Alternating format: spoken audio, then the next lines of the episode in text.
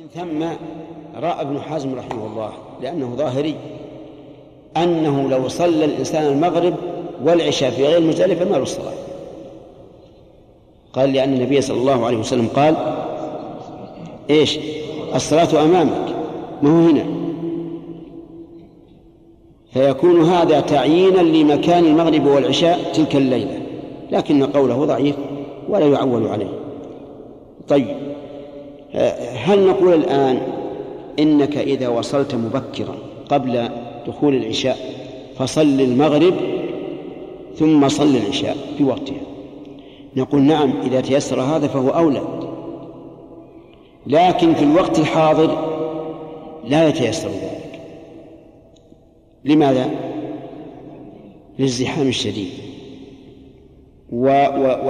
واشتباه الأماكن.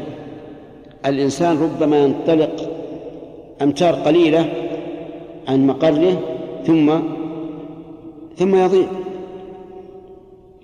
فإذا ضاع تعب هو وتعب أصحابه. فالذي أرى أنه من باب الرفق بالناس والله تعالى يريد بنا اليسر أنهم متى وصلوا إلى مزدلفة صلوا المغرب والعشاء. وإن كنت قد ذكرت في المنهج التفصيل أنهم إن وصلوا مبكرين صلوا المغرب في وقتها والعشاء في وقتها استنادا إلى حديث عبد الله بن مسعود رضي الله عنه. وإلى المعنى الذي من أجله جاز الجمع.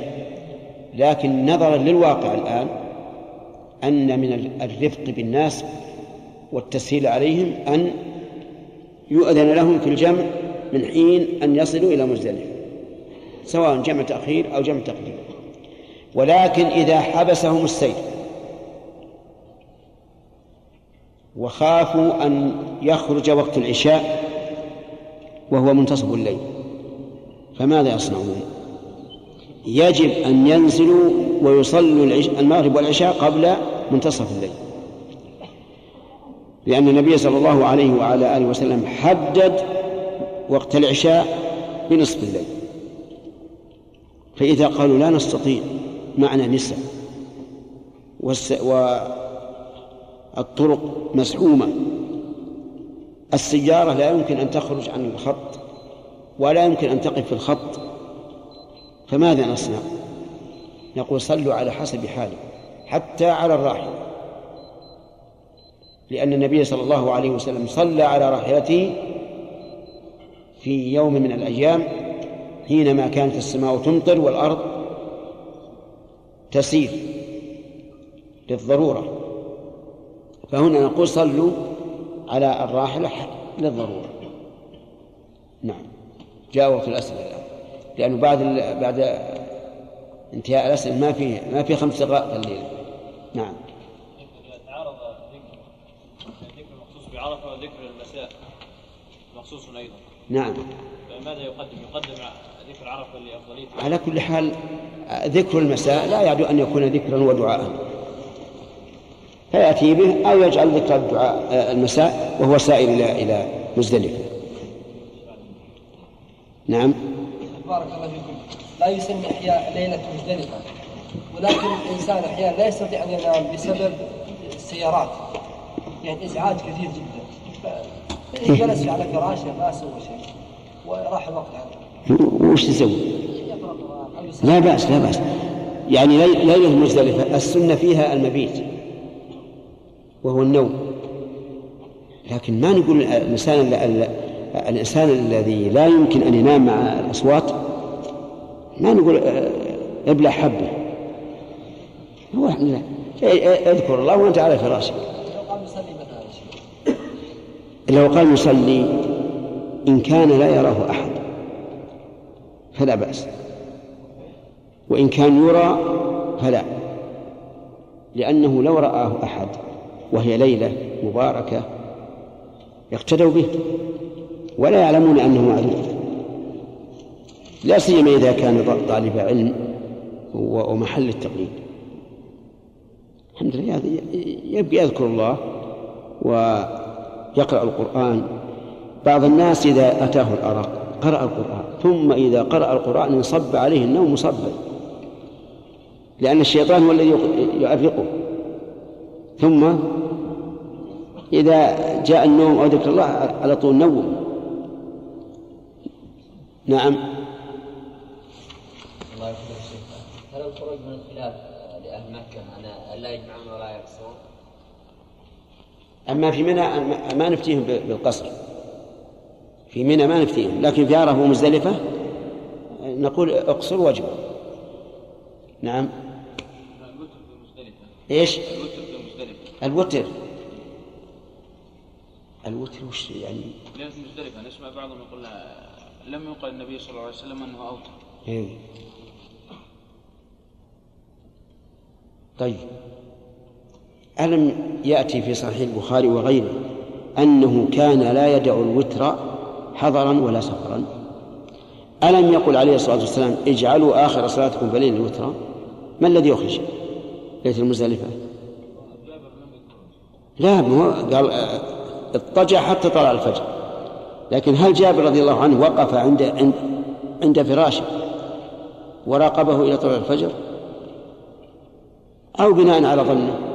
أنه رآه مضطجعا في أول الليل وجابر مضطجع في مكانه فقال هكذا وأنا أعطيتكم يا أخوان قاعدة إذا جاءت النصوص المحكمة فاحملوا المتشابه عليها. فحديث جابر فيه احتمال انه أن الرسول أوتر ولم يره جابر أو أنه لم يوتر. لكن النصوص اللي فيها القول نصوص قولية اجعلوا آخر صلاتكم بليل وتر وسنة فعلية ما استثني منها شيء. كان لا يدع الوتر حضرا ولا سفرا وكذلك يقال في سنة الفجر يوم مزدلفه جابر يقول فصلى الصبح حين تبين له الصبح بأذانه وإقامته ولم يذكر سنة الفجر مع أن الرسول صلى الله عليه وعلى آله وسلم كان لا يدع حضر ولا سفر. آدم. قلنا يقتصر على الاذكار الوارده من النبي صلى الله عليه وسلم.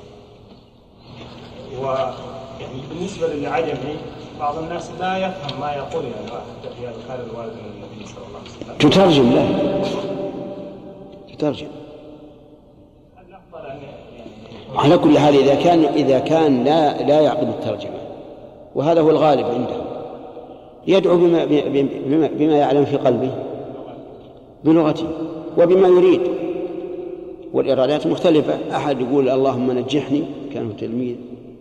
نعم. آخر يقول اللهم هيئ لي سيارة. ثاني يقول هيئ لي دار.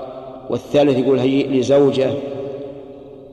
يعني تختلف الإرادات. اذا اقتصر على الوارده يعني كانه عادي واذا رجع إلى لغته لا لا ابدا. اللغة غير عربية وهو لا ال- الدعاء الوارد بلغته. يدعو بما شاء. استغفر الله ويجمع بها بين العشاءين ويبيت بها وله الدفع بعد نصف الليل وقبله فيه دم كوصوله إليها بعد الفجر لا قبله. فإذا صلى الصبح أتى المشعر الحرام في- فيرقاه أو يقف عنده ويحمد الله ويكبره ويقرأ فإذا أفضتم من عرفات الآيتين ويدعو حتى يسفر فإذا بلغ محسرا أسرع رمية حجر وأخذ الحصى وعدده سبعون بين الحمص والبندق. فإذا وصل إلى منى وهي من واد محسر إلى جمرة العقبة رماها بسبع حصيات متعاقبات.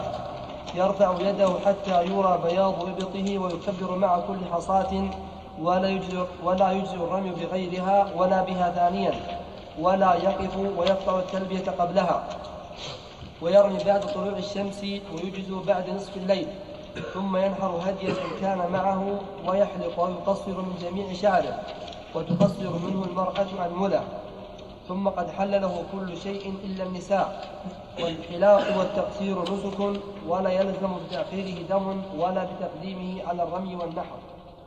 بسم الله الرحمن الرحيم. قال رحمه الله تعالى في بقية صفة الحج. وقد سبق أنه أن أول مرحلة صالح بن هارون.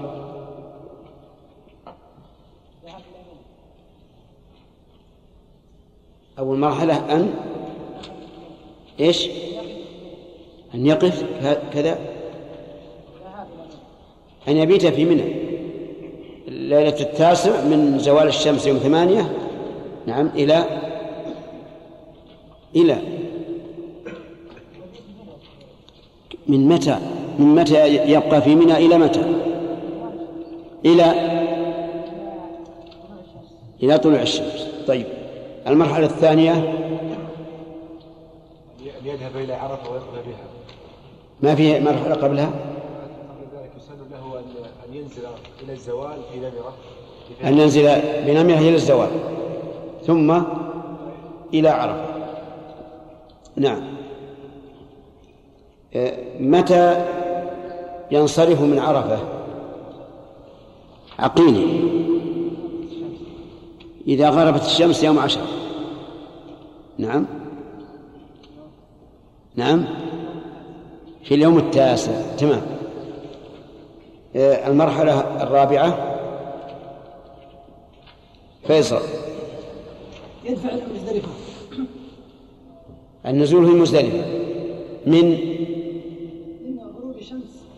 يوم التاسع إلى طلوع إلى الإسفار جدا من يوم العاشر. طيب تمام.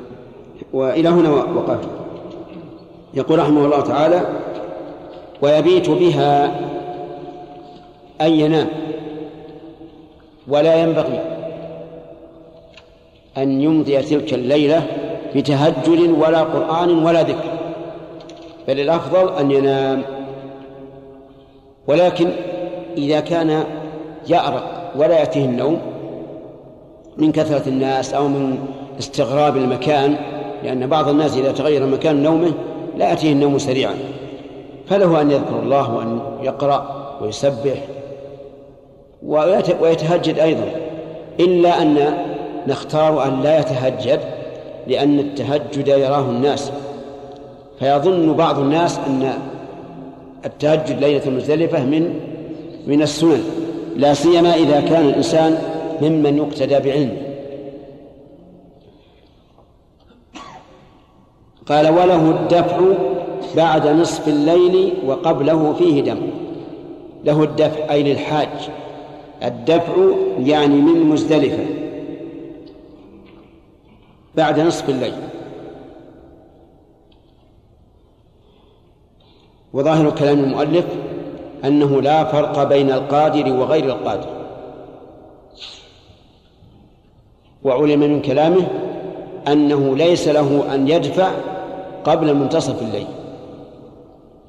ووجه ذلك أن أن المبيت يطلق على الكل أو الأكثر.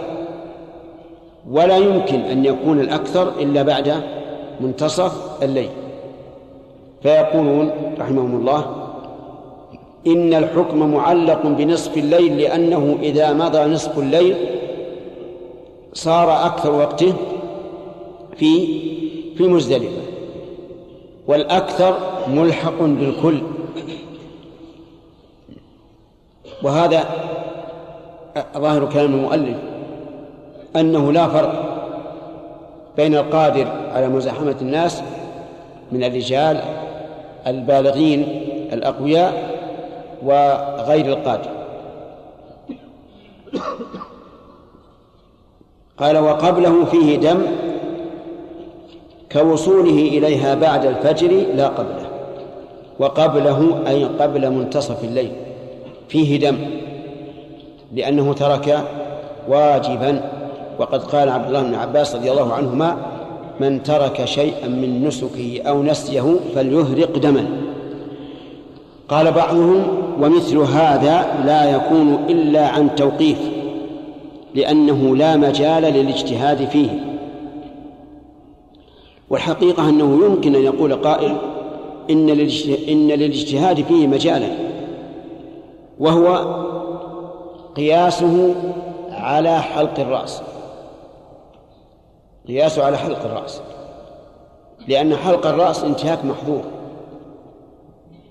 والالتزام بالمحظور أي بتركه إيش هو؟ واجب. فكذلك إذا ترك الواجب المأمور به فقد انتهك التزامه فيلزمه دم. والقول بأنه لا مجال للاجتهاد فيه فيه نظر. ولكن نقول على الأقل هو قول الصحابي. ولا نثبت له حكم الرفع للشك في كونه في كونه له حكم الرفع حكم الرفع وحكم الرفع يعني أن الرسول يعني أنه ينسب إلى الرسول وهذا صعب. أن تنسب إلى الرسول صلى الله عليه وعلى آله وسلم شيئا لم يتبين نسبته إليه. فنقول على الأقل اجعله اجعله إيش؟ قول الصحابة ويبقى مناقشة الثانية في هذا القول. هل قوله رضي الله عنه هل يهرق دما على سبيل الوجوب؟ إن قلنا على سبيل الوجوب أشكل. لأن ظاهر قوله من ترك شيئا من نسكه يعم كل شيء حتى الرمل والاطباع والسعي بين العلمين وما أشبه ذلك. وركعتي الطواف وهذا ليس بواجب. ولا يجب ولا يجب في تركه دم. أو يقال إنه من باب المشترك الذي يحمل على معنييه جميعا. فيكون في موضع للوجوب وفي موضع للاستحباب. وعلى كل حال فإيجاب الدم بترك الواجب ليس أمرا يقطع به الإنسان أو يغلب على ظنه من الناحية النظرية لأنه ما فيه دليل إلا هذا الأثر لكن من الناحية التربوية ينبغي أن يفتى الناس بذلك وأن يقال يلزم من ترك واجبا دم يذبح في مكة ويوزع على الفقراء ولو يكن منه شيء. فإذا قال قائل كيف تستبيحون أموال عباد الله بدون دليل؟ قلنا لا حرج في هذا فإن التعزير بالمال جاءت به السنة كإحراق رحل الغال وإضعاف القيمة على من كتم ضالة وما أشبه ذلك. فنجعل هذا أقل ما نقول فيه أن إنه من باب التعزير. من باب التعزير والردع. لأن عامة الناس إذا لم يمسهم الأخذ من المال لا يبالون بترك الواجب. شاهدنا هذا. إذا قلت يا فلان ما عليك دم قال وش علي؟ قلنا عليك التوبة والاستغفار. قال سهلة لكن لو تقول عليك دم نعم صار يحمر وصفر. متى نحصل على الدم؟ وكيف نوزع الدم؟ وما أشبه ذلك. فإذا قال قائل إذا إذا عدم الدم ماذا يصنع؟ قال أصحابنا رحمهم الله إنه يصوم عشرة أيام. قياسا على هدي التمتع الذي إذا لم يجده الإنسان يصوم عشرة أيام. ولكن هذا القياس فيه نظر. ليس بمضطرد. وجه ذلك أن دم التمتع إنما وجب إيش؟ شكرا لله على النعمة. وهذا إنما وجب توبة إلى الله تعالى وجبرا لما نقص. هذا من جهة. من جهة أخرى أن دم التمتع. يؤكل منه ويهدى ويتصدق. والدم الواجب لترك واجب لا يؤكل منه لأنه بمنزلة الكفارة وإنما يتصدق به على الفقراء في مكة. لكن كما قلت لكم نفتي بإيجاب الدم على من ترك واجب. ونقول هكذا قال العلماء. ونخرج إن شاء الله تعالى من العهدة بنسبة هذا للعلماء. ولا حرج علينا أن نسلك الطريق الأشد في تربية الناس والتزامهم للواجب. وهذا له نظائر عن السلف رحمهم الله.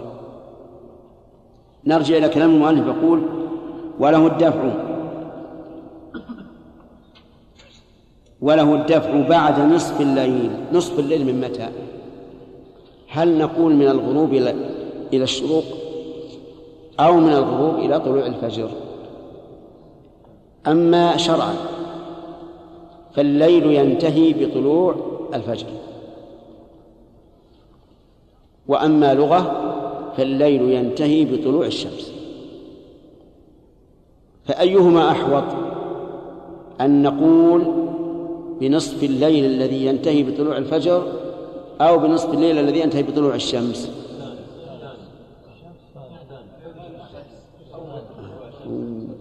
أذاني واحد تسعة سنة واحد تسعة ها؟ أيها نعم. لأعتبرنا توقيت الرسول صلى الله عليه وسلم لأحكام الشريعة حسبنا على طيب. هذا قول. أنا أقول أيهن أحوط طيب خلنا نشوف. إذا قلنا إلى طلوع الفجر ينتصف الليل قبل ما إذا قلنا إلى طلوع الشمس. أليس كذلك؟ طيب إذا الاحتياط. اللغوي أن نقول إلى طلوع الشمس. فلا تنصرف حتى ينتصف الليل اعتبارا من غروب الشمس إلى طلوع الشمس.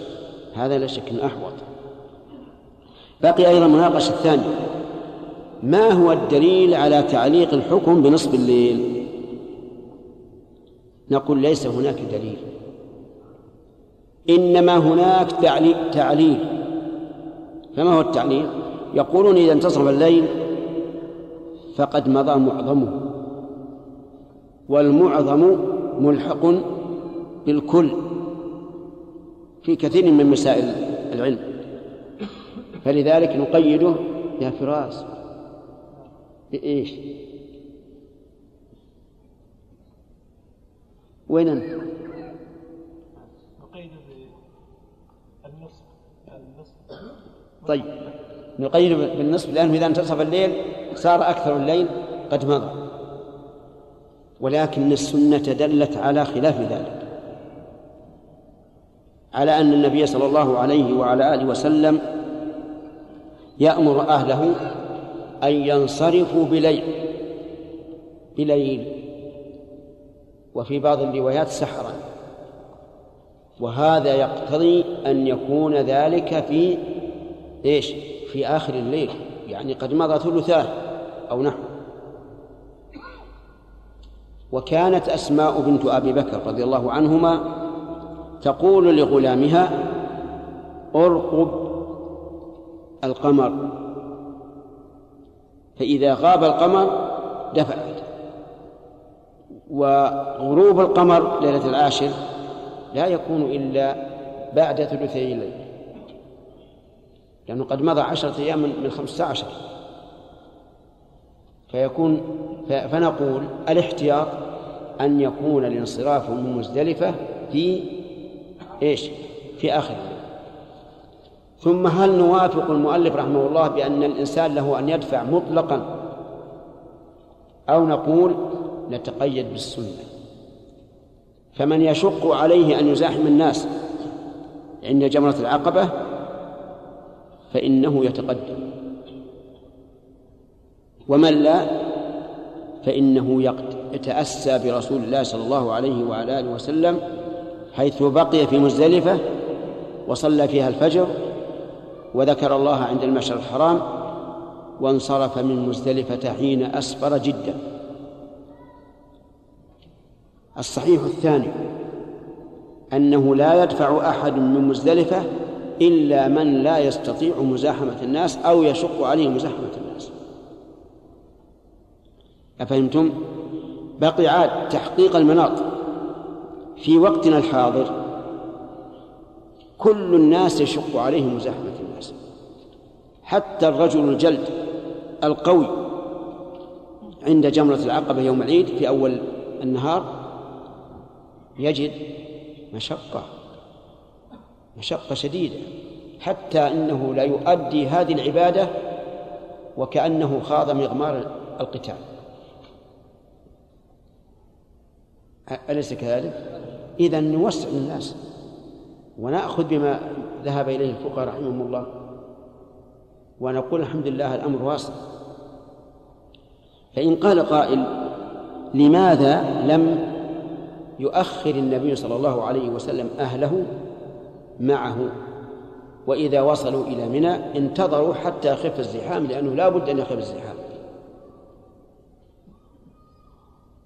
فالجواب أن النبي صلى الله عليه وعلى آله وسلم لم يفعل ذلك لأجل أن ينال هؤلاء الذين انصرفوا من قبل فرحهم بالعيد والتحلل من أول النهار. لأننا لو قلنا اذهبوا إلى منى وانتظروا حتى يخف الزحام ربما لا يخف إلا في الظهر فيتأخر حلهم ولا يتم فرحهم. بالعيد. فهذا هو الحكمة في أن النبي صلى الله عليه وسلم أذن للضعن يعني النساء وللضعفاء من أهله أن ينصرفوا من مزدلفة قبل الفجر. طيب يقول رحمه الله وقبله فيه دم قبل إيش؟ قبل منتصف الليل فيه دم. خلافا لمن قال إنه يكفي في النزول في مزدلفة أن يصلي المغرب والعشاء وينصرف. لأنه صدق عليه أنه ذكر اسم الله عند المشعر الحرام. والله عز وجل يقول فإذا أفضتم من عرفات فاذكروا الله عند المشعر الحرام وقد حصل. فإن الصلاة من أعظم الذكر. لكن الصواب ما سمعت أنه لا بد أن ينتظر حتى يذهب عامة الليل وينصرف في آخر الليل. ومن وقف نعم. كوصوله إليها بعد الفجر لا قبل. كوصوله إليها أي إلى مزدلفة بعد الفجر. فإنه إذا وصل إليها بعد الفجر فقد انقضى الليل. فيلزمه دم. وظاهر كلام المؤلف حتى ولو أدرك صلاة الفجر مبكرا فإنه يلزمه دم. لأنه ترك واجبا. ولكن عند مناقشة هذه المسألة يشك الإنسان في إيجاب الدم عليه. إذا أدرك صلاة الفجر في وقتها المبكر. لأن النبي صلى الله عليه وعلى آله وسلم قال لعروة بن مضرس من شهد صلاتنا هذه يعني صلاة الفجر التي بكر فيها لأن النبي صلى الله عليه وسلم في مزدلفة بكر بصلاة الفجر حتى كان حتى صلاها قبل وقتها المعتاد يعني قبل فعلها المعتاد فإذا أدرك الفجر في الوقت المبكر وقد وقف قبل ذلك بعرفة فلا وجه لوجوب الدم عليه لأن الرسول صلى الله عليه وعلى آله وسلم قال لعروة إيه؟ قال من شهد صلاتنا هذه ووقف معنا حتى ندفع وقد وقف قبل ذلك بعرفة ليلا أو نهارا فقد تم حجه وقضى تفذا فإيجاب الدم على من وصل إليها بعد طلوع الفجر لا سيما إذا كان بعد تعب وعناء وتعطل السيارة مثلا وما أشبه ذلك. أقول إيجاب الدم عليه فيه نظر. حتى على قاعدة أن من ترك واجبا فقد فعليه دم. فإذا صلى الصبح أتى المشعر الحرام فرقاه أو يقف أتى إذا صلى الصبح وينبغي أن يصلي الصبح مبكرا. أتى المشعر الحرام وهو المكان الذي وقف عليه النبي صلى الله عليه وعلى آله وسلم بعد أن صلى الفجر في مزدلفة. فرقه إن تيسر وإلا وقف عنده. ومع ذلك نقول إن النبي صلى الله عليه وعلى آله وسلم رخص لأمته فقال وقفتها هنا وجمع كلها موقف جمع يعني مزدلفة. فلا حاجة تذهب إلى المشعر الحرام. بل ادعو الله عز وجل وأنت في مكانك حتى تسفر جدا. يقول فرقها أو يقف عنده ويحمد الله ويكبره ويقرأ فإذا أفضت من عرفات الآيتين ويدعو حتى يصبح في حديث في حديث جابر حتى أسفر جدا. يعني ليس حتى بان الفجر بان السفر لا. أسفر جدا واتضح. وكان يرى من أمامه ويتبين له شخصه فإذا بلغ إلى هذا الحال انتهى. ودفع إلى إيش؟ إلى منى. وكان أهل الجاهلية يقولون أشرق تبير كيما نغيب.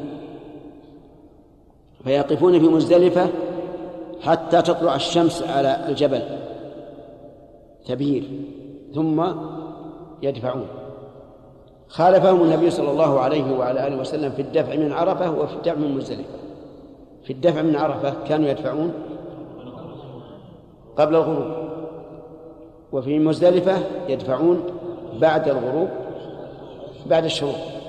فخالفهم النبي صلى الله عليه وعلى آله وسلم ودفع من عرفة بعد غروب الشمس ومن مزدلفة قبل طلوع الشمس. نعم. يقول ويقرأ فإذا أفضت من عرفات فاذكروا الله عند المشعر الحرام إلى آخره. الآيتين. هذه الآية لم أعلم إلى ساعة هذه أن النبي صلى الله عليه وسلم قرأهما. ولكن الله أمر إذا أفضنا من عرفات أن نذكر الله عند المشعر الحرام. وكأن الفقهاء رحمهم الله قاسوا هذه المسألة على مسألة إن الصفا والمروة من شعائر الله حيث إن النبي صلى الله عليه وعلى آله وسلم لما أقبل على الصفا عند ابتداء السعي قرأ إن الصفا والمروة من شعائر الله. وحين تقدم إلى مقام إبراهيم قرأ واتخذوا من مقام إبراهيم مصلى فإذا بلغ محسرا أسرع. إذا بلغ محسرا كيف؟ يعني يسير. يدفع من المشعر الحرام. متجها إلى منى. فإذا وصل محسرا إذا بلغ محسرا وهو واد معروف وسمي بذلك لأنه يحسر سالكه أي يعيقه. فإنكم تعرفون أن الوادي الذي هو مجرى السيل يكون في الغالب رمليا ويعيق سالكه. فلهذا سمي محسرا يرحمك الله. أسرع رمية حجر. ذكر الأزرق رحمه الله أن ذرع هذا الوادي خمسمائة ذراع وخمسة وأربعين ذراع يعني خمسمائة ذراع ونصف تقريبا. يسرع كما قال المؤلف رمية الحجر ولكن رمية الحجر ممن نعم الظاهر من المتوسط. لأن بعض الناس رمية الحجر عشرة أذرع وبعض الناس خمسين ذراع أو أكثر. نعم. ف... فالمراد الوسط. وإنما يسرع لأن النبي صلى الله عليه وعلى آله وسلم أسرع فيه. وقد قال الله تعالى لقد كان لكم في رسول الله أسوة حسنة. واختلف اختلف لما أسرع. فقيل لأن الله أهلك أصحاب الفيل في هذا المكان. فهو مكان غضب. فينبغي الإسراع فيه كما أسرع النبي صلى الله عليه وعلى آله وسلم حين مر بديار ثمود. هذا قول. القول الثاني أنهم كانوا في الجاهلية يقفون في هذا المكان. ويذكرون أمجاد آبائهم. وكل يمدح ويمتدح. فخالفهم النبي صلى الله عليه وعلى آله وسلم وأسرع. قالوا وإلى هذا يشير قوله تعالى فإذا أفضتم من عرفات فاذكروا الله عند المشرق الحرام واذكروه كما هداكم إن كنتم من قبله من الضالين. ثم قال فإذا قضيتم مناسككم فاذكروا الله كذكركم آباءكم أو أشد ذكرا وقال بعضهم إنما أسرع لأنه أهون لمسير الناقة. أهون لمسير الناقة. لأن يعني هناك فرقا بين أن تسير الناقة على أرض جلد وعلى أرض هينة لينة فتحتاج إلى تحريك. ونحن لا يهم أن أن نفهم العلة التي من أجلها أسرع النبي صلى الله عليه وسلم. الذي يهمنا أننا نعلم أن الرسول صلى الله عليه وعلى آله وسلم أسرع فنسرع تأسيا به. في وقتنا الحاضر هل يمكن الإسراع؟ يمكن بالمشاة ما المشاة يمكن. حتى المشاة أحيانا ما يمكن يعني. حتى المشاة إذا إذا إذا مشيت مع آه، آه، المسير الذي يسيرون فيه ما يمكن لأنه عالم. فإذا ترك الإنسان هذه السنة لعدم قدرته عليها فإنها تكتب له بإذن الله. وأخذ الحصى وعدده سبعون. ظاهر كلامه أنه يأخذ الحصى من هناك أي من عند محسن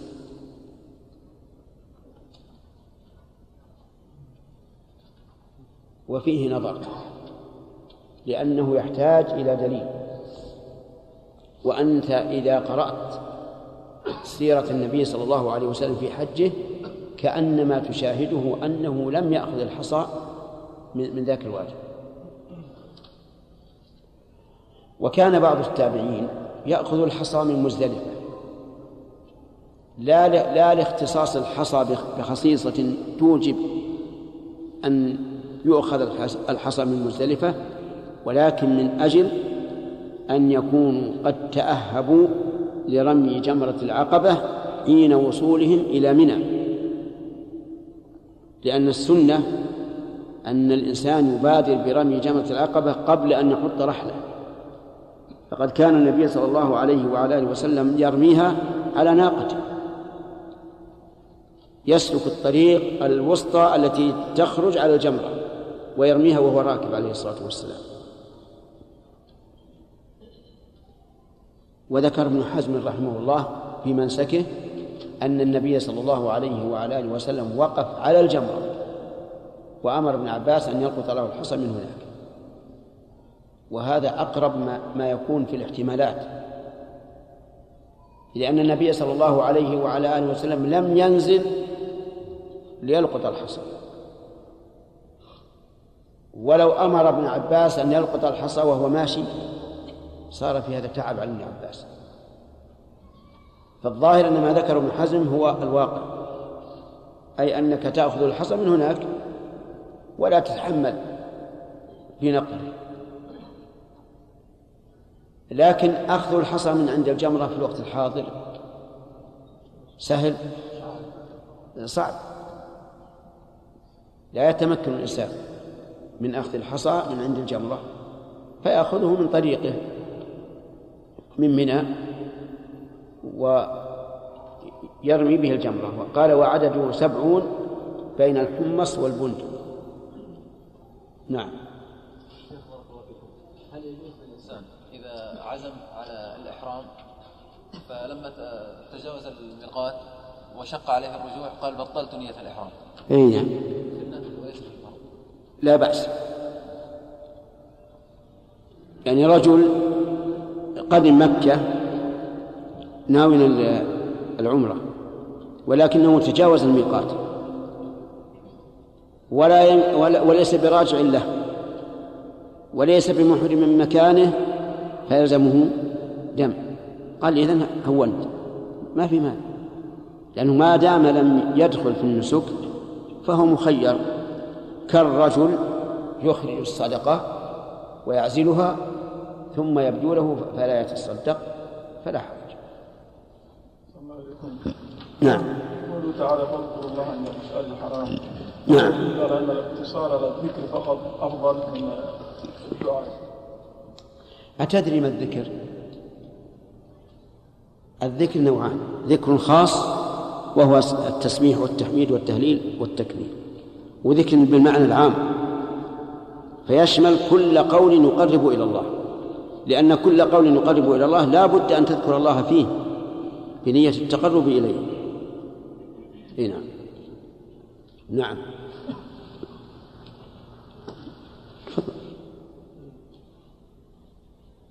نعم. جمعة. شيخ أحسن الله إليكم. آه، قلنا بأن المرأة لا تسافر إلى إلى الحج بدون محرم. متى قلنا متى قلنا العصر. إذا السؤال هذا يكون عصر. إلا سمحوا له اصبر يا رجال ما يمكن تسلق الجدار بدون. تسمحون له؟ ها؟ طيب. شيخ الله إليكم. النهي يقتضي التحريم ويقتضي الفساد المنهي عنه. إيه. آه، حج المرأة إذا ح- إذا حجت بدون محرم. حجها لا تصح؟ لا. لأن هذا لا يعود إلى إلى إلى إلى, إلى, إلى الحج. إلى لمعنى يعود للحج. هذا لمعنى يعود لحمايتها وصيانتها. أفهمت؟ لكن قل لي هل لها أن تقصر الصلاة أو لا؟ وهل لها أن تجمع أو لا؟ وهل تمسح على خفيها ثلاثة أيام أو لا؟ تقول هذا؟ تسأل ولا ما تسأل عن هذا؟ طيب. هذا ينبني على هل يشترط في سفر القصر أن يكون مباحا؟ وفيه خلاف. خلاف مشهور يكاد يكون يكاد القولان يكونان سواء سواء. فمن العلماء من يقول لا يشترط لرخص السفر أن يكون السفر مباحا بل يجوز أن يترخص ولو كان سفره محرم. ومن العلماء من يقول لا بد أن يكون محرم مباحا. لأن لأن رخص السفر رخصة. والمسافر سفرا محرما. من أهل الرخص أو لا؟ لا ليس من أهل الرخص ينبغي أن نشدد عليه. والمسألة سهلة نقول تب وترخص. نعم. وقف في عرفة في أول الليل. ثم وصل إلى مزدلفة بعد منتصف الليل. هل له الدفع نعم. بدون أن مجرد المرور في مزدلفة. يسأل يقول هذا إنسان وصل مزدلفة بعد منتصف الليل. هل يكفي أن يمكث بها يسيرا ويذهب إلى منى؟ وعلى ما سمعت. أما إذا كان رجلا جلدا يمكنه ال- المزاحمة بلا مشقة فلا ينتظر. وإذا كان يخشى على نفسه فلي- فليمضي نعم يا سليم. والله عنك يا شيخ. الإبل يا شيخ طبيعتها جت الرمل الغزير. لازم إنها تسرع تسرع ما تطلع. من نفسها هي ما تطلع إيه. ولا جت الو- وهي ماشية. اما عليها راكب ولا شيء لازم لو عندها رعي ما ترى. لازم ت- تقطع المسافه أي هذا مما يؤيد أن الرسول صلى الله عليه وسلم أسرع في في أول محسر رفقا بالبهي- بالبهيمة بالناقة. نعم. الذين يدفعون بالليل. نعم. لهم يروا قبل طلوع الشمس. أي هذا لم نصله. فهل نجيبه أيها الإخوان؟ نعم.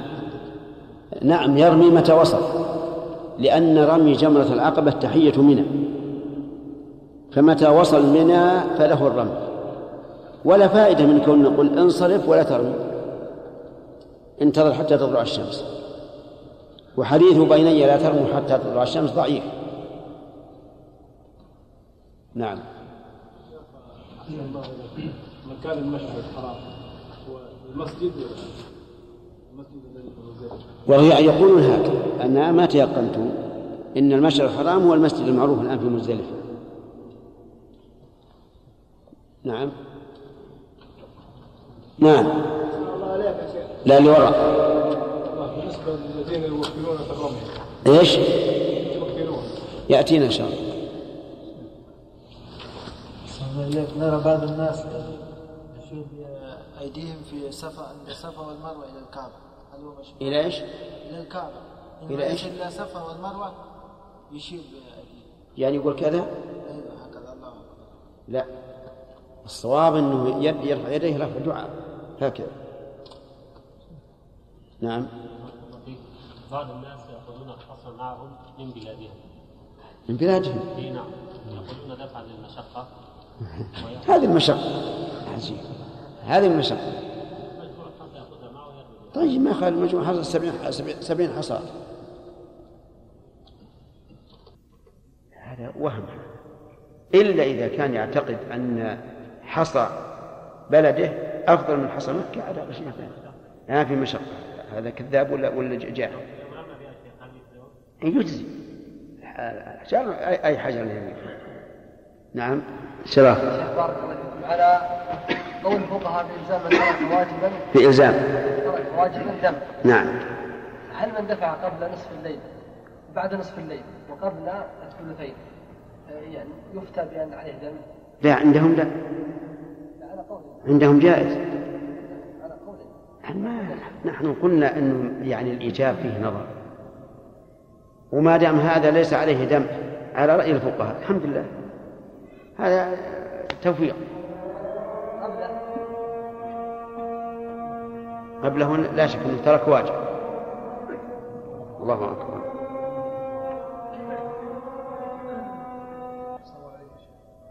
إذا دفع بعد الإسفار من مزدلفة إلى منى هل يشرع شيخ دعاء معين؟ لا تلبية يلبي لأنه يلبي إلى أن يرمي جمرة العقبة ها؟ كذا؟ ها؟ كيف؟ العادة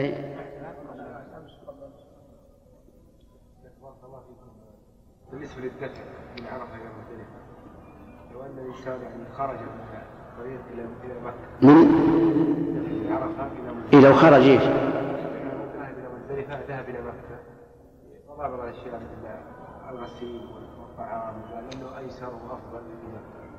العزيزية أنها قريبة ثم دخل إلى مزدلفة لا بأس. المهم أن نصل إلى المزدلفة. نعم. بعض الناس يقولون أن السعي بين بين العلمين آه، ما يكون إلا في الاشواط الثلاثة الأولى. أي لا هذا وهم. هذا وهم. ظنوا أنه كالطواف ولكنه لا شك أنه غلط. نعم. نعم. يقيسون مع وجود النص.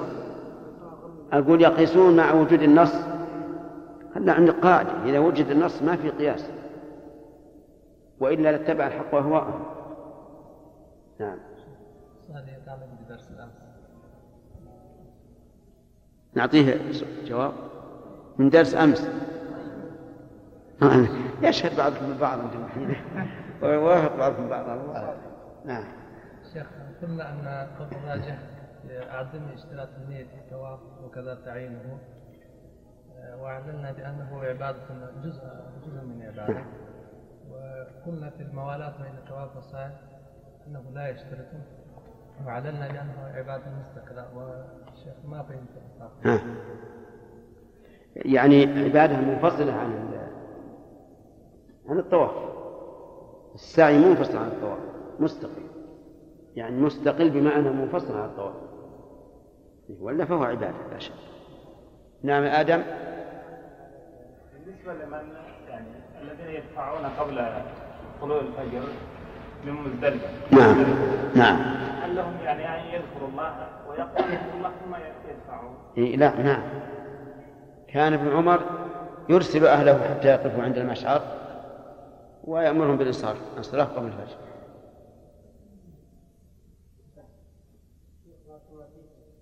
بالنسبة للهدي بين هدي المتمتع وهدي القارن هل بينهما فرق؟ حيث أنه يلزم القارن ان يسوق الهدي معه من بلده أو أنه له لا مو بشرط. لكنه إذا ساق القارئ إذا ساقه امتنع التمتع. إذا لم يتيسر له ان يسوقه ثم اشتراه أو دفع قيمته لل- للمكاتب المعروفة. يعني ساق الهدي؟ ها؟ الدراهم ولم يسوق الهدي يعني صار كالمتمتع في مسألة الهدي يعني. وهو كالمتمتع مثل هذه هو والمتمتع سواء.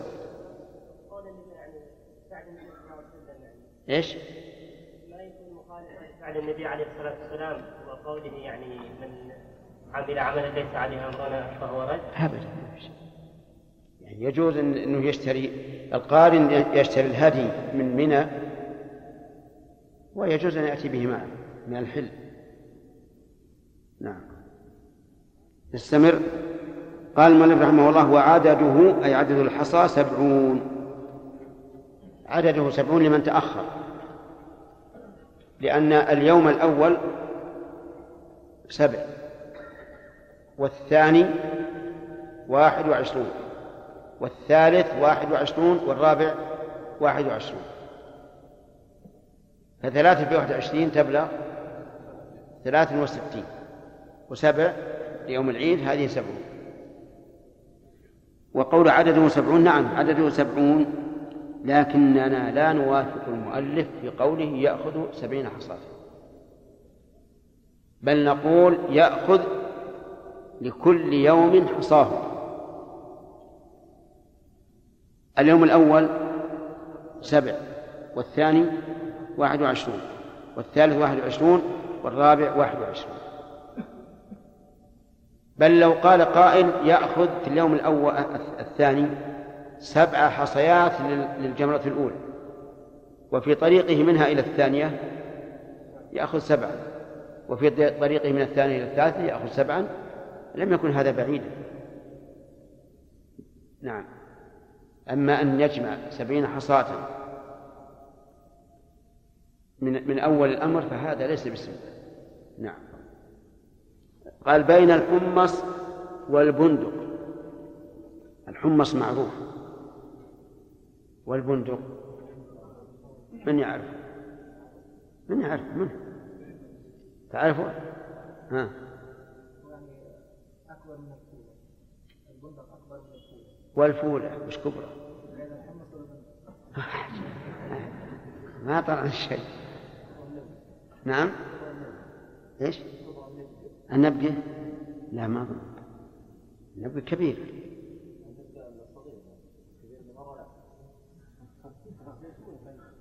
نعم. يمكن. هي الزيتونة أقرب أو, أو أقل يعني أقل من الزيتونة والزيتون أيضا فيه اختلاف. بعض الكبير وبعض الصغير. على كل حال المسألة متقاربة. الممنوع أن تكون صغيرة كالشعيرة. هذا لا تجزي. أو تكون كبيرة آه، إيش نقول؟ لها صخرة الله يهديهم. بيش صخرة. سبع صخرات نعم. كالتفاح. هذا ممكن. وبهذا نعرف أن رمي الجمرات ما هو إلا عبادة محضة. تعبد محض وتذلل محض. وإلا فما الفائدة من أن نأخذ حصيات بصفة معينة ونرميها في هذا المكان على وجه معين؟ ليس إلا مجرد التسليم للعبادة. كما قال عمر في تقبيل الحجر لولا أني رأيت رسول الله صلى الله عليه وسلم يقبلك ما قبلته وبهذا يظهر كمال الذل والتعبد لله عز وجل. أن الإنسان يأخذ الحصى معه من رحله إلى المكان ويرمي تعبدا لله وتأسيا برسول الله صلى الله عليه وعلى آله وسلم. وقد جاء في حديث فيه نظر إنما جعل الطواف بالبيت وبالصفا والمروة ورمي الجمار لإقامة ذكر الله. ورمي الجمار فيه ذكر الله القولي والفعلي. القولي خالد. التكبير عند كل حصاد. والفعلي رمي الحصاد. فإن هذا ذكر الله عز وجل. وأما القول بأن هذا بأنه يرمي الشيطان فهذا لا ليس بصحيح. لو كنا نرمي الشيطان لكنا نقول عند الرمي أعوذ بالله من الشيطان الرجيم. لكننا لا نرمي الشيطان. خذ بناء على هذا هذه العقيدة التي ليس لها أصل. كيف يأتي الناس الجهال لرمي الجمرات؟ يأتون بعنف شديد جدا جدا. ويشتمون ويلعنون. حتى أن إنه بلغنا أن بعضهم يضرب بحصاة كبيرة ويشتم ويقول عليك لعنة الله أنت اللي فرقت بيني وبين زوجتي. سبحان الله. وأنا شاهدت بعيني رجلا وامرأته قبل الزحامات هذه الشديدة في جمرة العقبة. كانت جمرة العقبة فيها جبل من الخلف. ما حد يصعد للجبل وفيها حوض. هو جالس على شفا الحوض. ومعه كنادر يضرب العمود. هو يا زوجته امرأة معه ما أدري زوجته ولا غيره. والحصى يضربهم سبحان الله ولا ولا يتحركون. هذا العجيب. فكأنما يقولون هل أنت إلا إصبع دميتي وفي سبيل الله ما لقيت ليش؟ لأنهم اعتقدوا أنهم يضربون الشيطان. هذا غلط. الذي يجب على طلبة العلم أن يبينوا للناس أن هذه من مشاعر الحج ومن مناسك الحج وأنها ترمى تعبد لله تعبدا لله عز وجل وإقامة لذكره. هذا هذا هو الواجب على طلاب العلم. لكن يقول قائل أرأيتم لو كان هذا العام ما يعرف إلا إذا قلت له ارمى الشيطان الصغير ثم الوسط ثم الشيطان الكبير. هل أقول له هذا؟ إذا لو تقول ارمى الجمرة الأولى وش الجمرة ما يعرف. لا المكان هو أهم شيء المكان. فهل نتكلم معه بلغته؟ ثم بعد أن يعرف يقول هذه لا تسمى شياطين. أنا أرى هذا أحسن. نكلمه بلغته ثم نقول هذه ليست بالشياطين هذه من مناسك الحج وشعائره. فلا تعتقد ما ليس بصواب. يقول بين الحمص والبندق وسمعنا بعض الناس يرمي بالحذاء. شاهدتم هذا؟ أي بالحذاء. نعم؟ والشمسيات. سبحان الله. الجهل لا إله نعم؟ والله أن إن أخذ فقير يتضلل بها يمكن ما ما يجزي إلا الحصى سيأتينا إن شاء الله تعالى. قال العلماء لو رمى دنانير بدل الحصى ما نفع. إلا الحصى لأن مسألة عبادة. نعم. فإذا وصل إلى منى وهي من وادي محسر إلى جمرة العقبة. من وادي المعروف عند العلماء علماء اللغة أن ابتداء الغاية لداخل لا انتهاء ولكن في هذا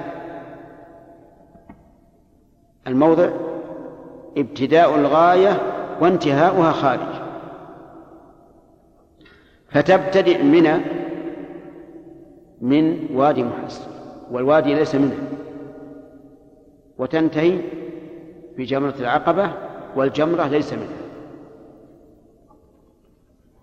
أفهمتم؟ ولهذا لو عبر المؤلف فقال وهي ما بين وادي محصر وجمرة العقبة لكان أسد لأنه إذا كان ما بينهما خرج طيب وادي محصر عرفتم جمرة العقبة لماذا سميت جمرة العقبة؟ لأنه كان كانت على عقبة في الواقع. شاهدناها على عقبة يعني طلعة لأنها في أصل جبل وتحتها الوادي. تحتها الوادي مجرى مجرى سير ولكن كيف يرمي الجمرة؟ يقول الفقهاء رحمهم الله يرمي الجمرة جمرة العقبة مستقبل القبلة والجمرة عن يمينه. يستقبل القبلة والجمرة عن يمينه. وهذا ما يمكن خصوصا في وقتنا الحاضر. يعني مثلا القبلة هكذا والجمرة هنا. يقول ها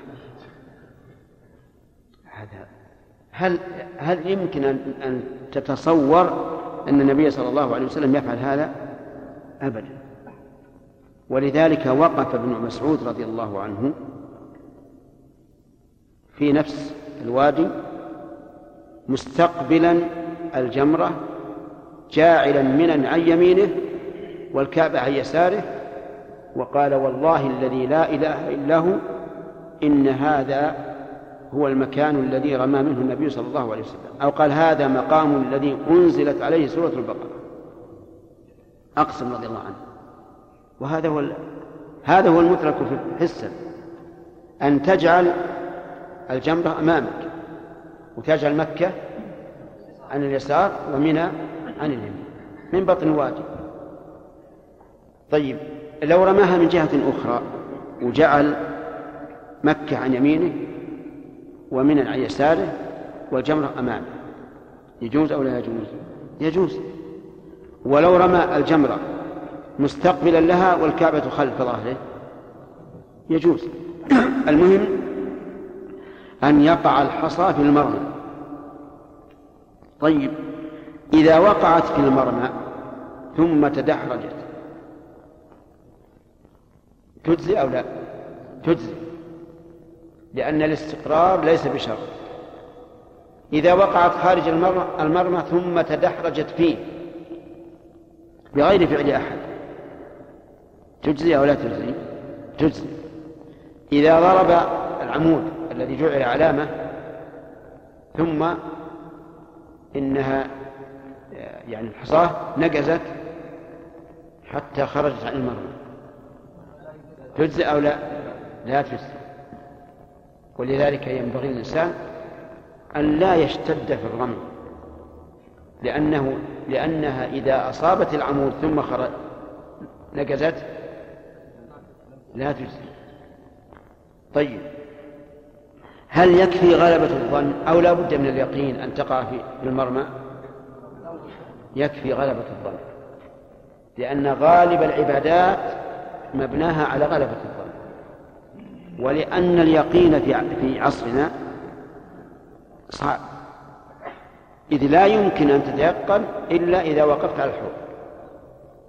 فيكفي غلبة الظن. إذا رأيتها مثلا طارت وغلب على ظنك أنها وقعت في الحوض كفى. وهذا من التيسير. ولو قلنا لا بد من اليقين لصعب على الناس صعوبة عظيمة. لكان كل واحد يريد أن يقف على الحوض. وحصل فيه مشقة رماها بسبع حصيات متعاقبات يرفع يده حتى يرى بياض إبطه. رماها. كيف؟ نعم. رماها بسبع حصيات متعاقبات. يرمي. لا بد من حقيقة الرمي. هكذا. وعلى هذا فلو وضع الحصاة وضعا. لم يجزئ. لو وقف على الحوض وصار يجلس الحصى على المكان ما أجزى لابد أن يكون هناك رمي. وقوله متعاقبات يفيد أنه لابد أن تكون الحصى واحدة بعد الأخرى. فلو رماها دفعة واحدة. كم تجزي؟ عن واحدة. ما لم يكن مستهزئا والعياذ بالله. فإن استهزأ لا تجزي عن واحدة ولا عن نصف واحد. لكن جاهل. لكن كان جاهلا. فظن أن المقصود أن يقع في الحوض سبع حصيات فرماها جميعا. لا سيما مع الزحام. نقول لا يجزي إلا عن عن واحدة. قال رحمه الله يرفع يده حتى يرى بياض إبطه. يرفع يده يعني عند الرمي هكذا. حتى يرى بياض إبطه. هو في اليوم الأول نعم يرى بياض الإبط لأن عليه رداء والرداء إذا رفعت يدك يرى الإبط لكن في الأيام الأخرى الناس قد حلوا ولبسوا القمص.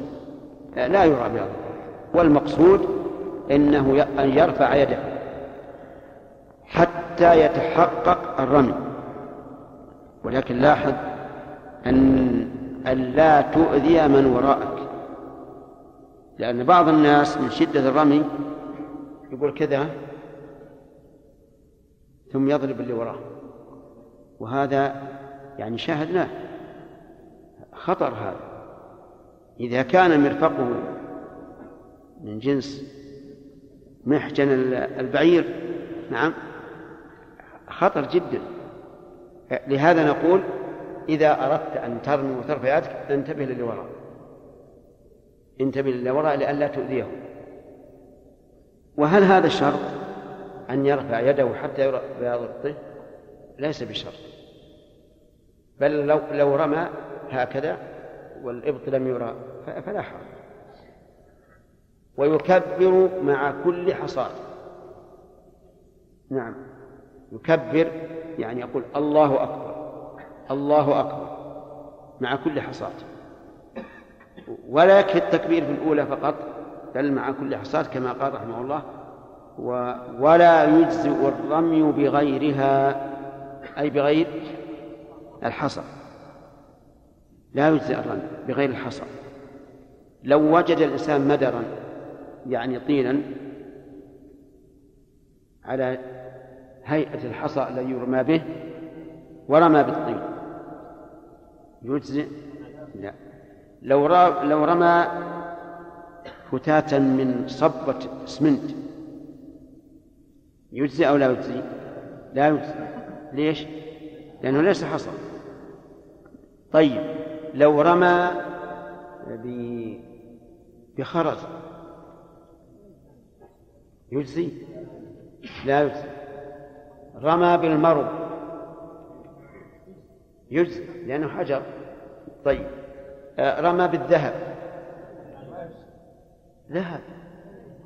لا يجزي. لقول النبي صلى الله عليه وسلم من عمل عملا ليس عليه أمرنا فهو رد. والباقي كما تعرفون الرمي بالخفاف والنعال والشماسي من باب أولى. نعم. بعض الناس آه، لا ما نكمل. ولا بها ثانيا؟ طيب. قال ولا ولا يرمي بها ثانيا. لا يرمي بها ثانيا. يعني لا يرمي بحجر رمي به. لماذا؟ قالوا لأنه رمي به فلا يجزي كما لو أعتق العبد في الكفارة فإنه لا يجزئ أن يكفر به مرة ثانية. خذ القياس. قياس آخر كما لو توضأ بماء قد توضئ به. يعني بماء مستعمل في طهارة واجب. فلا يجزي. وهذا القياس فيه نظر. فيه نظر ظاهر. أما قياسه على العبد فنقول إن العبد إذا أعتق في الكفارة خرج عن كونه عبدا. صار حرا. ولهذا لو قدر أنه لحق بالكفار ثم استولينا عليه واسترققناه صار عبدا فيجزي. إذن القياس هذا غير صحيح. طيب قياسه على الماء المتوضأ به أيضا غير صحيح. لأننا لا نسلم أصلا أن الماء المتوضأ به لا يرفع الحدث بل نقول إن الماء المتوضأ به يرفع الحدث. وحينئذ يكون هذا القياس قياسا على غير على غير أصل صحيح. وإذا بطل الأصل بطل الفرع وعلى هذا فيجزئ أن يرمي بحصاة رمي بها. وهذا يحتاج الإنسان إليه في مثل هذه الأيام. أحيانا يسقط الحصى من يده أو بعض الحصى. لو خرج إلى إلى مكان بعيد شق عليه. وأحيانا يرمي ولا تقع في الحوض فيحتاج إلى إلى بدلها فيشق عليه. فالقول الراجح أنه يجوز أن يرمي بحصاة رمي بها. أتدرون ماذا ألزم الذين آه الذين يقولون بعدم الإجزاء؟ ألزموا الذين يقولون بالإجزاء أنه يقتضي أن يرمي الحجيج كلهم بحصاة واحدة. فاهمين كيف؟ أما نقول يجزي ما رمي به يقف واحد ومعه حصاة يرميها ثم يأخذها ويرميها ويأخذها ويرميها. كم مرة؟ سبع مرات. انتهى جاء الثاني. نعم. أخذ هذه الحصاة ورماها. حص... هذه حصاة أخذ ورماها سبع مرات جاء الثالث كيف شوف كيف الإلزام يعني؟ قالوا يلزمكم إذا قلتم بجواز الرمي بحصاة الرمي بها أن تجزئ حصاة واحدة عن جميع الحجيج. لكن هذا الإلزام هو منطقي. نعم؟ إذا كانوا مليون نفر كل واحد يبي يرمي سبع مرات. كم؟ سبع ملايين مرة. على هذه الحصاة نعم. هذا ما هو يعني كلام إلزام بما لا يمكن أن يكون. لكن الذي يمكن أن يكون كما قلت لكم أن الإنسان مثلا يرمي الجمرات ثم تسقط حصاة في الأرض ثم تدحرج الحصاة اللي هو رمى بها أولا تدحرج تنزل. ما في بأس يأخذ ويرمي. أو كان هو واقف على الحوض وأخذ من الحوض ورمى. ما في. لأن الكل حجر. والنبي صلى الله عليه وعلى آله وسلم قال بأمثال هؤلاء فرموا وإياكم الغلو في الدين. قال ولا يقف أي لا يقف عند جمرة العقبة لأن النبي صلى الله عليه وعلى آله وسلم لم يقف. وحسبنا أن نتأسى به. وقيل إنه لا يقف لأن المقام ضيق. لأن المكان ضيق. إذ هو مجرى الوادي والجبل فوق الجمرة فهو ضيق. ولكن هذا يمكن أن نعلل به فعل النبي صلى الله عليه وعلى آله وسلم. أما نحن ما نعلل بهذا. نعلل بإيش؟ بالسنة أن النبي صلى الله عليه وسلم لم يقف وحسبنا أن نفعل ما فعل. نعم. بعض الناس لا يست... لا يعرف الرمي تماما لا سيما من النساء. إيه؟ ترمي هكذا خاتمة. لا. ترمي الحجر هكذا ترفع يدها أي كذا. وش تقولون في هذا؟ على كلام الفقهاء ما ما يكون رمي. ولكن الذي أرى أنه يكفي يكفي. أن يرمي. هكذا يعني يدفع دفع. لا إن شاء الله يجوز نعم. أحسن الله إليك. هل المقصود بالرمي العمود أو الحوض؟ الحوض. العمود هذا إنما جعل علامة على المكان فقط. نعم. أحسن الله عليكم آه لو قلنا في جواز دفع القادر من مزدلفة بعد منتصف الليل فلا يكون قد استفاد الضعفة من الرخصة التي لشيء يكون في هو إنسان يبي الإنسان يبي يشوف السهل نفسه. وأما غيره فيدبروا يدبرونه بالسوء لأن الزحام واقع واضح وهو لو أعطي الناس فرصة من آخر من آخر الليل و وهم أعطوا أنفسهم فرصة الآن. في الآن من يذهب إلى القول بأنه يكفي أن يصلي المغرب والعشاء في مزدلفة ويمشي. ويقول ليش هذا قال هذا هذا قول بعض العلماء. وكل له اجتهاد. آدم؟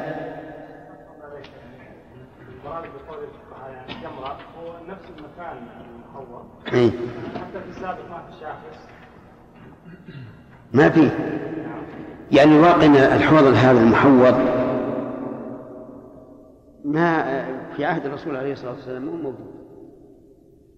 ما كان موجودا ولهذا جرى بحث هل يمكن أن يوسع الحوض أو لا يمكن؟ بعض الناس قال لا بأس. لأنه كأنما تصور أن الذين مع الرسول عليه الصلاة والسلام عددهم كبير. وبعضهم على على إبله في يوم العيد. فهل أحد يظن أن هذا حصى هذا هؤلاء الجمع الكبير؟ يقع في هذا المكان الضيق؟ ولهذا قال الفقهاء إنه في اليوم الحادي عشر والثاني عشر إذا رمى الأولى يبعد. وقالوا لئلا يصيبه الحصى. لكن نحن نقول نبقي الحياض على ما هي عليه. والحمد لله. هو ما دام ما دمنا نقول إن الحصاة إذا وقعت ثم تدحرجت اجزاء الحمد لله.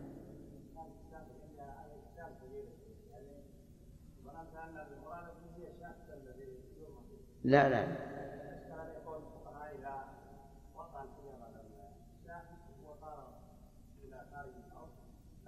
هي بناء على الواقع.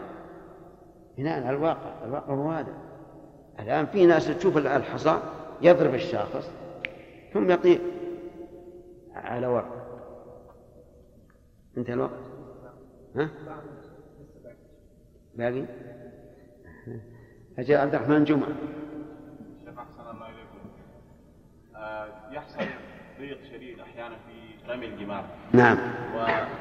أصحاب الأسر اللي معهم نساء وضعفاء يأتون بالنساء والضعفاء فيجدون في زحام. ثم يعودون الرجوع. والرجوع صعب شيخ. كانوا يعودون إلى خيامهم في يعني ضيق في الشارع. فالواحد لما يرجع من الأسرة ثم يأتي به يرجع يعني يصيبه يعني في أحيانا يكون في سخانة وسخونة شمس حارة شيخ أحسن الله إليكم. هل له أن يأخذ الجمرة يرمي عن الضعف؟ إي نعم. يعني هو إذا وصلوا إلى إلى إلى, إلى الجمرات وجدوا زحاما شديدا. لا بأس أن يتوكل عن النساء.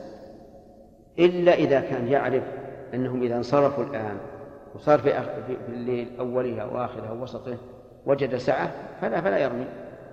لأن الأصل أن كل جزء من أجزاء الحج والعمرة يجب أن يقوم به الإنسان نفسه.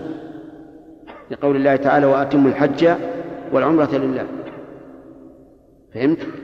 لكن أحيانا ما يتمكن الإنسان من التأخير مثل إذا كان يريد أن يتعجل في اليوم الثاني عشر. فهو أتى وحضر الآن بعد الزواج ما يمكن يرجع. ولا يمكن يبقى إلى الغروب. يخشى أنه أنه يلزمه المبيت مع أنه ما يلزمه المبيت. إذا كان الإنسان تأهب ودفع من منى ثم حبسه السير أو الضيق الشديد فإنه يرمي ولو بعد غروب الشمس ويتوكل. على الله يمشي له أن يرمي عن ثلاثة أربعة ولا يرمي عن واحد ثم يرمي عن الآخر.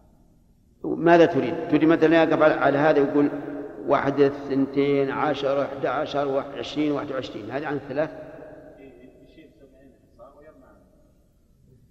عن س... عن, س... عن عشر. يشيل مثلا زي 63 حصى. ها. عن ثلاثة يرمي إلى أن لا لا بد أن أن يرمي سبعا أولا عن نفسه.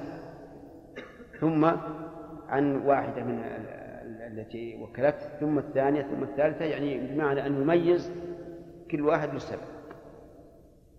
وكان بعض الفقهاء يقولون لا بد يرمي الثلاث عن نفسه ثم يعود ويرمي الثلاث عن موكله ثم يعود ويرمي الثلاث عن الموكل الثاني.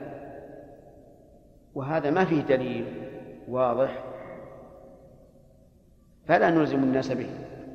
إذ لو ألزمنا الناس بذلك حصل مشقة عظيمة. لكن نقول ارميها في مكان واحد ويكفي. بس لا تجعلها هكذا جميعا. سبع عنك تنوي عنك. آه، سبع عن فلان سبع عن فلان. إي نعم. الحمد لله رب العالمين. والصلاة والسلام على نبينا محمد وعلى آله وصحبه أجمعين. قال رحمه الله تعالى في باب صفة الحج والعمرة من كتاب المناسك. ولا ولا يقف ويقطع التلبية قبلها ويرمي بعد طلوع الشمس ويجد بعد نصف الليل ثم ينحر هديا إن كان معه ويحلق أو يقصر من جميع شعره وتقصر منه المرأة عن ملا ثم قد حل له كل شيء إلا النساء والحلاق والتقصير نسك ولا يلزم بتأخيره دم ولا بتقديمه على الرمي والنحر. بسم الله الرحمن الرحيم. سبق لنا ما تقدم بعد الدفع مزدلفة أنه يبدأ أول ما يبدأ بإيش؟ برمي جمرة العقبة وصفة الرمي سبق أيضا. قال المؤلف رحمه الله تعالى ويقطع التلبية قبلها يعني التل... التلبية بالحج أو بالحج والعمرة إن كان قارنا يقطع قبل الرمي. وعلى هذا فلا يزال يلبي في الدفع من من منى إلى عرفة ومن عرفة إلى مزدلفة ومن مزدلفة إلى منى. واختلف العلماء رحمهم الله هل يلبي وهو ماكث أو لا يلبي إلا وهو سائل. فمن العلماء من قال إنه يلبي وهو سائر فقط. وأما إذا كان ماكثا أي نازلا في عرفات أو مزدلفة أو منى فإنه لا يلبي لأن التلبية معناها الإجابة وهي لا تتناسب مع المكث. إذ أن المجيب ينبغي أن يتقدم إلى من يجيب. لا أن يجيب وهو باق وهذا وهذا الثاني اختيار شيخ الإسلام ابن تيمية رحمه الله أنه لا يلبي إلا في حال السير بين المشاعر. وأما القول الثاني فيقول يلبي حتى يرمي جمرة العقبة سواء كان ماكثا أم أم سائرا قال ويرمي بعد طلوع الشمس. هذا هو الأفضل. لأن النبي صلى الله عليه وعلى آله وسلم إنما رمى جمرة العقبة بعد طلوع الشمس. قال ويجزئ بعد نصف الليل. بناء على ما سبق من أنه يجوز الدفع من مزدلفة بعد نصف الليل. فإذا دفع ووصل إلى منى فلا بد أن يرمي. فيرمي بعد نصف الليل. وسبق أن ناقشنا المؤلف رحمه الله بتقييد ذلك بنصف الليل. وقلنا إن ظاهر السنة أن الدافع إنما يكون في آخر الليل. إذا مضى أكثر الليل الثلثان أو نحوها أو نحوهما. وقوله يرمي بعد ويجزي بعد نصف الليل يشمل القادر وغير القادر. يعني الذي يقدر على أن يبقى إلى أن يسفر جدا في مزدلفة ويرمي مع الناس وغير وغير القادر وهو المذهب. والقول الثاني أنه لا يجوز دعه من مزدلفة قبل أن يصلي الفجر إلا إذا كان يخشى على نفسه من الزحام لكونه كبير السن أو مريضا أو امرأة أو ما أشبه ذلك. وأما من قال إن العاجز يدفع من مزدلفة في آخر الليل ولكنه لا يرمي حتى تطلع الشمس فقوله ضعيف لأنه ليس عليه دليل ولأن أكبر فائدة لمن دفع قبل لمن دفع في آخر الليل هو أن يرمي ولا ما الفائدة؟ ولهذا كان النساء اللاتي يبعث بهن الصحابة في آخر الليل يرمون مع الفجر أو قريبا من الفجر. متى متى وصل؟ فمتى وصل الإنسان فإنه يرمي سواء وصل قبل طلوع الشمس أم أم قبل أم بعد طلوع الشمس. ثم ينحر هديا إن كان معه. ومن الذي يجب عليه الهدي؟ المتمتع والقارئ. وأما من سواهما فإن ساق الهدي فلا شك يعني إن أتى بهدي فهو أفضل وإلا فلا, فلا شيء عليه. وقول إن كان معه هل مراد المؤلف ظاهر على ظاهر هل كلام المؤلف على ظاهره بمعنى أنه إن كان يحتاج إلى شراء وطلب فإنه يحلق أولا؟ أو نقول هذا بناء على الغالب الثاني هو الظاهر. وأنه حتى الذي يحتاج إلى شراء نقول الأفضل أن تنحر بعد الرمي ثم تحلق وقد كان النبي عليه الصلاة والسلام حين رمى جمرة العقبة انصرف إلى رحله ثم نحر ثم حلق. قال ويحلق أو يقصر من جميع شعره. لو قال المؤلف رحمه الله ثم يحلق لكان أولى. حتى نعرف أنه مرتب. يحلق يعني جميع الشعر. وذلك بالموسى. وليس بالمكينة. حتى لو كانت المكينة على أدنى نمرة فإنها لا تعتبر فإن ذلك لا يعتبر حلقا. الحلق لا بد أن يكون بالموسى. يحلق رأسه. والحكمة من حلق الرأس أنه ذل لله عز وجل. لا للتنظيف ولهذا لم يؤمر به في غير الإحرام. يعني لا نؤمر بأن نحلق رؤوسنا وأمرنا أن نحلق العانة وننتب الإبط للتنظيف. وعليه فيكون حلق الرأس عبادة لله عز وجل. نتقرب به إلى الله إلى الله تعالى فنحلق الرأس ذلا وتعبدا لله لله عز وجل. أو يقصر من جميع الشعر. ولم يبين المؤلف رحمه الله كيف يقصر الرجل. هل يقصر كثيرا أو يقصر قليلا؟ فما هو فما فما فما المراد؟ نقول المراد أن نقصر من شعره بحيث يتبين أن الرجل مقصر ويظهر عليه علامة التقصير. وقول من جميع شعره أفادنا رحمه الله أنه لا يكفي أن نقصر من جانب واحد. كما قال به بعض أهل العلم فقال إن بعضهم قال يكفي ربع الرأس. وبعضهم قال يكفي ما يماط به الأذى. وما أشبه ذلك من من الأشياء المقدرات التي ليس عليها دليل. والقرآن الكريم قال الله تعالى فيه لتدخلن المسجد الحرام إن شاء الله آمنين محلقين رؤوسكم ومقصرين. أي مقصرين رؤوسكم فيقصر من جميع الرأس. ولكن هل يجب أن نقصر من كل شعرة؟ لا لا يجب. لأنكم تعلمون أن الشعرات بعضها طويل وبعضها قصير. والمقصود أن أن الرأس بالتقصير كما يعممه بالمسح في الوضوء. ولو قلنا يجب من كل شعرة لم نتمكن من الجزم بذلك إلا بالحلق. وحينئذ لا تقصير. أيهما أفضل؟ الأفضل الحلق. ولهذا قدمه المؤلف رحمه الله عز وجل كما هو مقدم في القرآن الكريم محلقين رؤوسكم ومقصرين عبد الله. ودعا النبي صلى الله عليه وسلم للمحلقين ثلاث مرات والصحابة يراجعونه فيقولون والمقصرين. حتى بلغ ثلاثا ثم قال والمقصرين.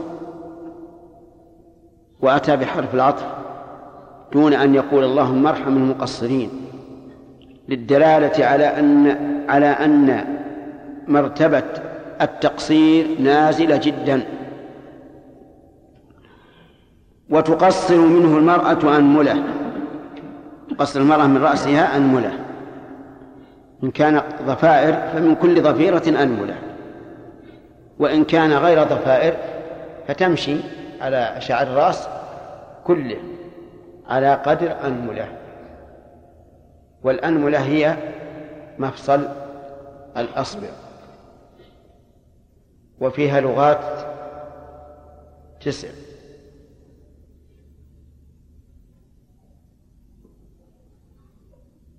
يلا عبد الله أنشد البيت اللي فيه هذا. ما هي مثل الاصبع يا شيخ ما كيف؟ لماذا أشرت؟ ما ادري انك تو البيت وحمزة انمله في ثلث وثالثه تسع في اصبع واختم باصبع تمام وهمزة أنملة ثلث يعني ثلاث حركات. وثالثه ثلاث حركات. اضرب ثلاثة في ثلاثة تكن تسعة. ولهذا قال التسع في إصبع واختم بأسبوع. الإصبع إذن فيه عشر لغات. والأنملة فيها تسع لغات. ومن ثم نقول إنه لا يمكن للإنسان أن يغلط في أنملة إلا في الإعراب فقط. أما من الجهة من حيث التصريف فلا يغلط. طيب قدر أنملة. يعني أي الأنامل؟ نقول الأنامل متقاربة. حتى الإبهام الذي ليس فيه إلا مفصلان أنملته قريبة من من بقية الأصابع. وأما ما اشتهر عند النساء أن الأنملة أن تطوي المرأة طرف شعرها على إصبعه. فمتى التقى الطرفان فذاك الواجب. أفهمتم؟ يعني مثلا لنفرض أن هذه الضفيرة تقول هكذا.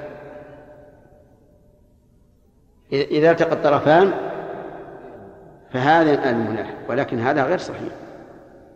الأنملة معروفة وإنما كان المشروع للمرأة التقصير لأنها محتاجة إلى التجمل والتزين والشعر جمال وزينة. وإنما كان الواجب بقدر الألملة لئلا يجحف برأسها. وهذا يدل على أن الشريعة الإسلامية تراعي حوائج الناس وميولهم وأنها لا تأتي أبدا بما فيه العسر والحرج والحمد لله. ثم قد حل له كل شيء